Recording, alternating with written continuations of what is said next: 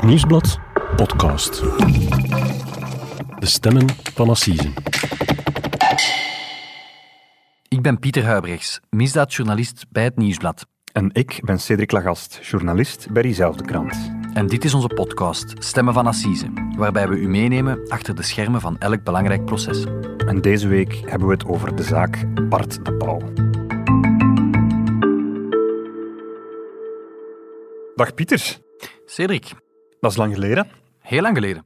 Want natuurlijk, we hebben een coronapandemie gehad. En bij een pandemie zijn er geen assiseprocessen. Dus ook geen eh, podcasts over assisen, uiteraard. Mhm. Maar het gerechtelijke jaar is ondertussen alweer op gang gekomen.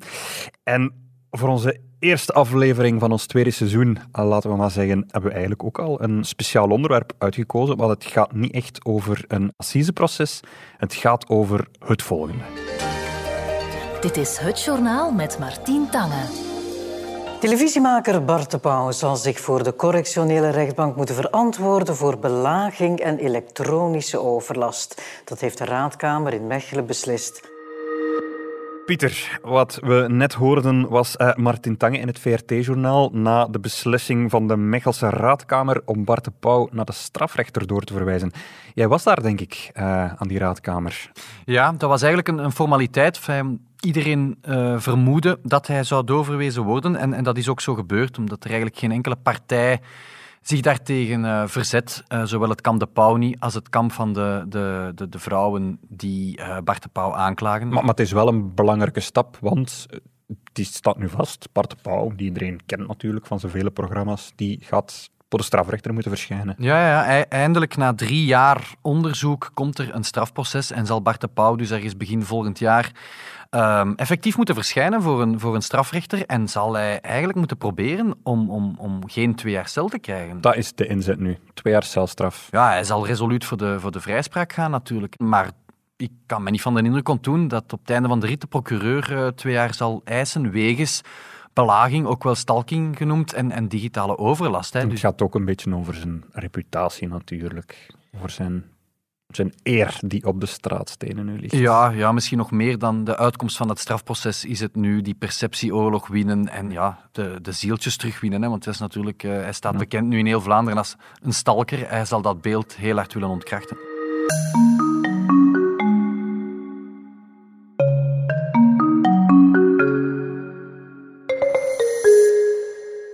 Laten we eens beginnen bij het begin. Laten we eens uitleggen nog hoe, hoe dat eigenlijk allemaal eh, begonnen is. Want de start dateert alweer van november 2017. En het is eigenlijk ook een, voor een stuk ook een beetje op onze redactie hier van het Nieuwsblad begonnen. Ehm, dat is ooit al eens op een tv-programma op vier vertoond, Nieuwsjagers. Wat de bal communiceert. Oei, wat? Mail van Bakkenbouw. Mail? Mededeling. Een YouTube-filmpje. Aan wie? Aan iedereen. Eh, deze week heeft de VRT-directie eh, mij te kennen gegeven eh, dat zij de samenwerking eh, na 30 jaar met mij uh, onmiddellijk stopzetten. Het was een hectische dag die dag, Pieter. Ehm, jij was hier toen ook, hè? Absoluut. Er waren eigenlijk al een aantal collega's bij ons die al een aantal weken wisten dat er iets aan de hand was eh, met Bart de Pauw, dat er klachten waren van actrices. En de redactie was te weten gekomen dat Bart de Pauw aan de kant werd geschoven door de VRT. Maar toen, wat je net in dat fragment hoorde, barstte de bom. Want Ja, hij koos de vlucht vooruit. Hè. Eh, regel 1 in, in crisiscommunicatie. Hè. Neem zelf de regie van die communicatie in handen. En Bart de Pauw heeft dan een, eh, een professioneel filmpje de wereld ingestuurd. En dat is natuurlijk ingeslagen als, als een bom. Hè. Eh, beste mensen, ik heb een, een heel belangrijke mededeling te doen. Een mededeling die ik eh, niet graag doe, maar de huidige omstandigheden dwingen mij om, om ze toch te doen. Eh, voor alle duidelijkheid, dit is eh, geen grap. Eh, deze week heeft de VRT-directie eh, mij te kennen gegeven dat zij de samenwerking na 30 jaar met mij eh, onmiddellijk stopzetten.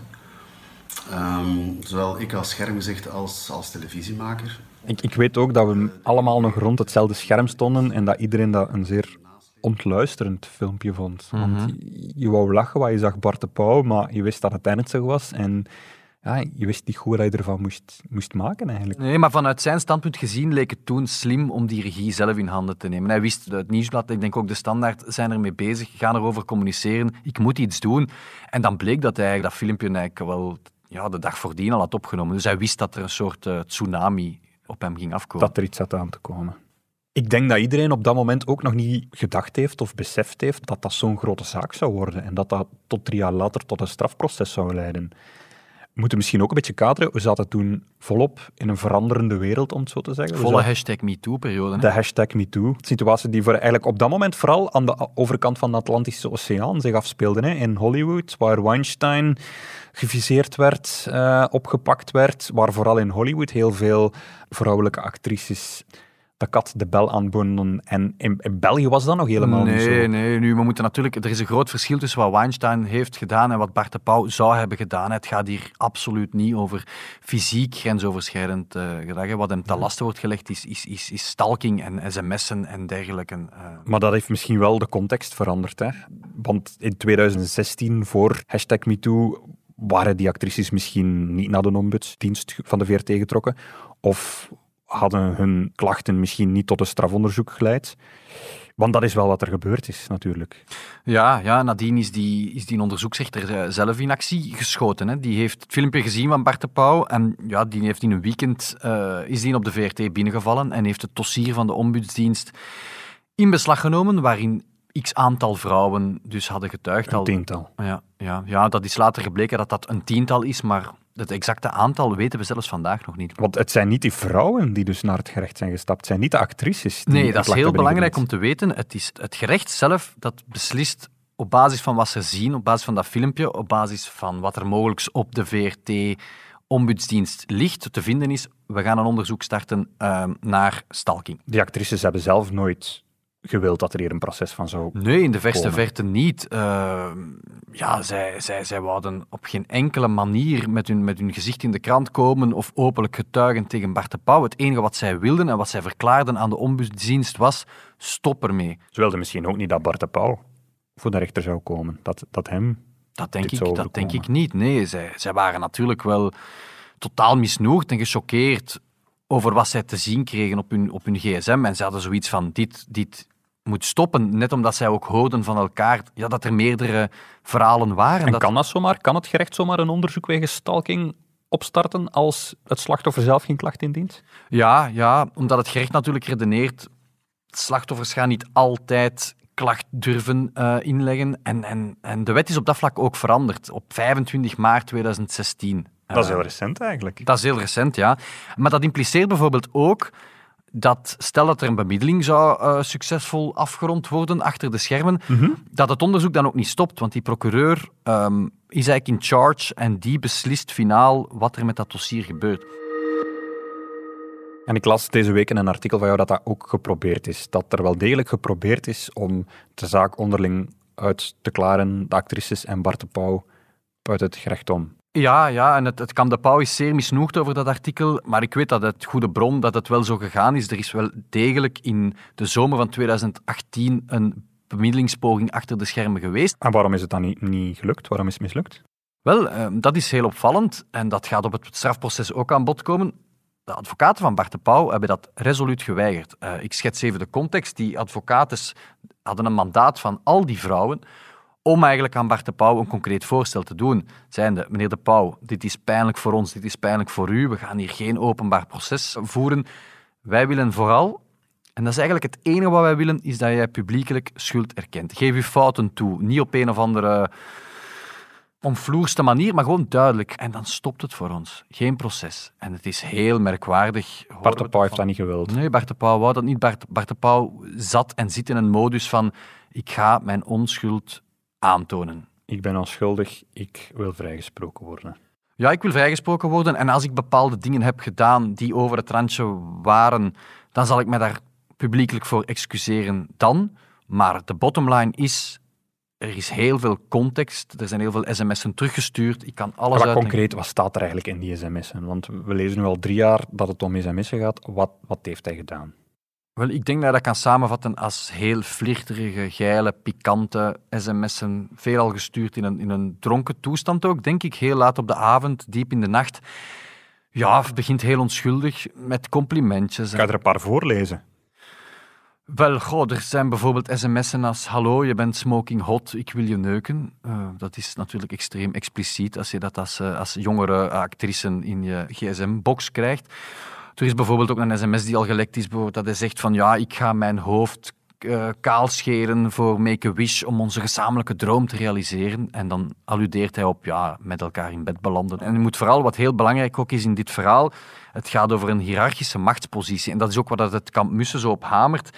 Hij was de Vlaamse tv-god. Hij was de man die op de filmcast de assistenten aanstuurde, de actrices aanstuurde. Hij kon carrières maken of kraken. En Mhm. je moet het ook zien als iemand die, die, die macht heeft, die gezag heeft en die dan eigenlijk u, ja, die gewoon foute sms'en stuurt. En, en, En is er ook een context waardoor dat Bart de Pauw denkt van nee, ze wilden dat graag. Dat is, ik deed hier niks verkeerd mee. Ja, wat hij zal doen is de sms'en voorlezen die hij natuurlijk van die actrices kreeg. Want ja, ze vonden dat natuurlijk ook wel leuk om van de grote bekende Bart Ze de hebben Pauw... daarop geantwoord. Natuurlijk, ja. En niet met berichtjes van ik vind dit fout, stop ermee. Sommigen wel, sommigen niet. Maar er is natuurlijk een werkrelatie, er is een vriendschappelijke relatie. Er is volgens het Kam de Pauw bij sommigen ook een amoureuze relatie. Dat speelt allemaal mee. En, en hij zegt, ik zal die context geven. Dat zal heel pijnlijk worden, maar er valt heel veel over te zeggen. Ja, het is allemaal niet zo zwart-wit. Nee.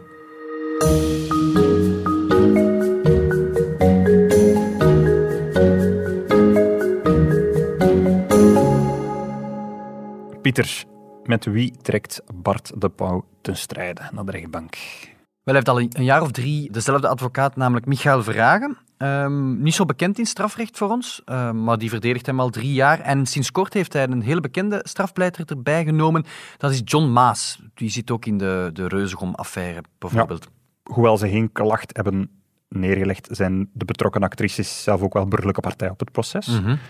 Ze willen natuurlijk ook weten wat er allemaal gezegd wordt. En ook zij hebben dus eh, twee advocaten die voor hun rechten instaan. Wie zijn dat? Wel ja, die komen van het, het kantoor Walter van Steenburgen, hè, de bekende Gentse strafpleiter. En dat zijn eh, Christine Mussen, Mhm. bekende advocaten, en een eh, jongere collega Anne-Sophie Raas. Ben ik fout als ik zeg dat Christine Mussen wel vaker slachtoffers verdedigt? Toch in zedenzaken bijvoorbeeld? Zeker in zedenzaken en eh, bijvoorbeeld ook dus, ja, vermeende slachtoffers van seksueel misbruik eh, door de kerk bijvoorbeeld. eh, dat, is, Ja. dat is haar dat, hè. Oké. Aan de andere kant hebben we het parket zitten natuurlijk. De mensen die Bart de Pauw vervolgen. De aanklager hi- hier is Peter Perenboom, dacht ik. Ja, dat is nog de, de communicatiewoordvoerder geweest van het uh, Mechels parket. En een heel belangrijke rol op het proces zal uiteraard ook voor de onderzoeksrechter in deze zaak zijn, voor Filip van Linthout. Want hij is de man die het onderzoek gestart heeft. Ja, hij is de man die dus op eigen houtje bij de VRT is binnengevallen. En, en, en Van Linthout is een bekende onderzoeksrechter, hè? misschien wel de bekendste onderzoeksrechter van het land. Mhm. Heeft meegedaan aan tv-programma's en zo, komt Ja. regelmatig in het nieuws. Maar bijvoorbeeld over de zaak Bart de Pauw heeft hij nog nooit publiekelijk één woord gezegd. Dat mag hij ook absoluut niet doen. Daarvoor zullen we de rechtszaak moeten afwachten. Ja, en dus de vraag is van, ja, vanuit het kamp De Pauw is hij een beetje het kwade genius. Hè? Eh, degene die op eigen houtje dan een onderzoek is gestart. Eh, als je dat aan de actrice zou vragen, is hij misschien wel een soort nobele ridder die, die op eigen initiatief wou weten van, tja, wat, wat, wat, wat is er daar juist gebeurd, waardoor dat die vrouwen eh, al dan niet slachtoffer zijn.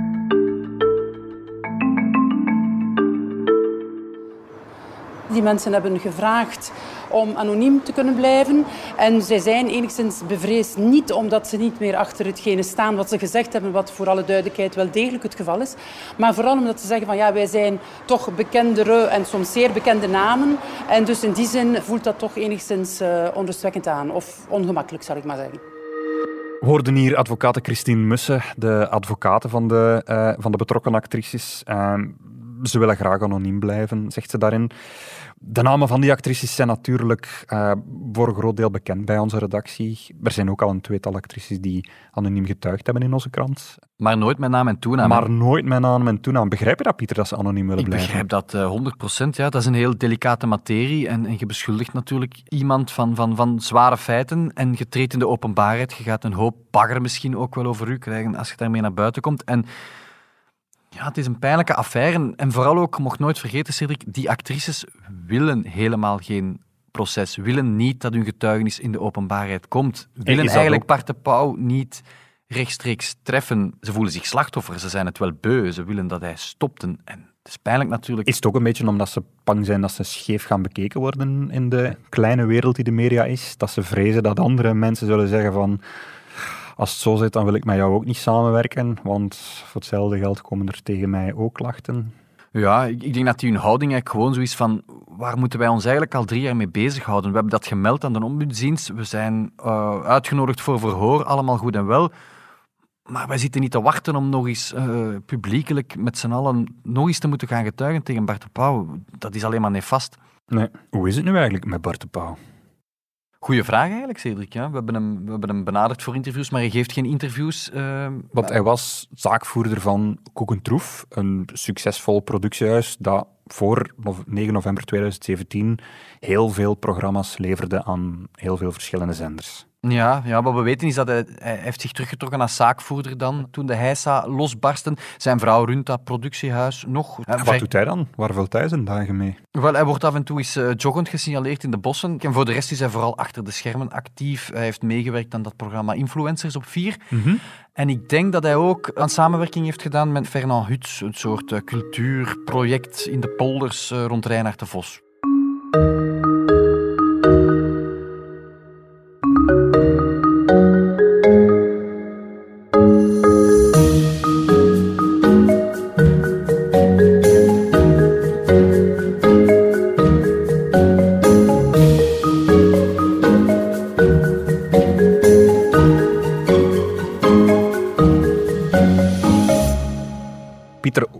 Wanneer mogen we dat proces verwachten?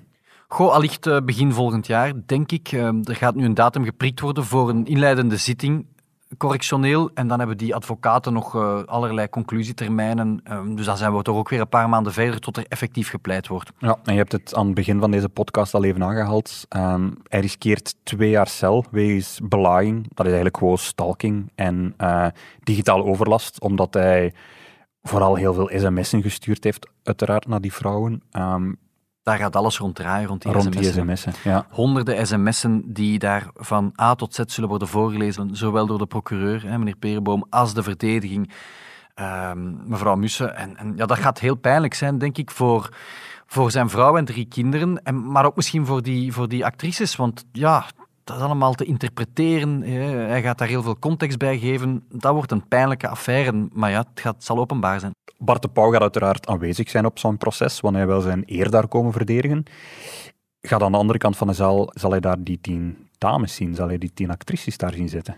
Dat is helemaal niet zeker, Cedric. Daar is achter de schermen heel wat discussie rond. Uiteraard zou het een krachtig statement zijn dat die advocaten daar geflankeerd met die tien vrouwen of, of twaalf vrouwen arriveren. Mm -hmm. hè, van kijk, wij samen sterk en wij laten, ons, uh, wij laten ons niet doen. Wij komen hier gewoon ten tonele. Maar ja, ik hoor toch ook signalen dat het misschien wel pijnlijk is voor die actrices om, om te komen, dat ze daar eigenlijk helemaal geen behoefte aan hebben. En, en ja, die willen gewoon uit de schijnwerpers blijven. Dus dat is helemaal nog niet duidelijk, dat is nog niet beslist. Twee jaar is natuurlijk ook de maximumstraf, maar moeten we ervan uitgaan dat hij ook effectief de binnenkant van een cel zal zien? Ik heb geen glazen bol, maar ik durf te betwijfelen dat hij effectief ooit naar de gevangenis zal moeten. De procureur zal ook op het einde van het proces uh, een, een, bepaalde uh, strafeis formuleren. Dat is allemaal ook te zien hoe het proces draait, welke uitleg hij daaraan geeft. Uh, ja, dat is allemaal af te wachten. Dat is de theoretische maximumstraf. Ja.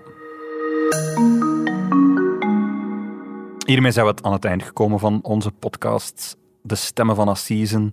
Uh, dankjewel, Pieter. Graag gedaan. En we zien elkaar volgende week alweer terug, waar we opnieuw een aflevering hebben. En dan gaan we het hebben over de rechtszaak die er zit aan te komen, over de dood van Sandadia.